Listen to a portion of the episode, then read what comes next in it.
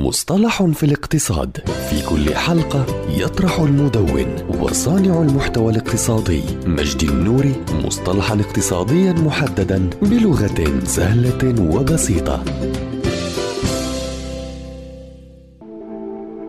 المنتجات صديقة البيئة. هو مصطلح تم تعريفه على نطاق واسع وبالتالي ليس لديه تعريف محدد. ولكن أقرب التعريفات لهذا المصطلح هو تلك المنتجات التي لا تضر بالطبيعة والبيئة وصحة الإنسان والحيوان ولها خصائص محددة أبرزها أنها قابلة لإعادة التدوير وبالتالي فإنها غير ضارة بالبيئة والكائنات الحية ولأنها قابلة لإعادة التدوير فإنها تقلل من توليد النفايات. وتتعرض هذه المنتجات للعديد من الاختبارات والتي يجب أن تجتازها. فإذا اجتازتها فإنها تحصل على علامة صديقة للبيئة. ومن أبرز هذه المنتجات وأكثرها شهرة هي الأزياء صديقة البيئة وهي الملابس المصممة من أقمشة ومواد طبيعية لحماية صحة المستهلك بشكل يجعلها غير ضارة للبيئة.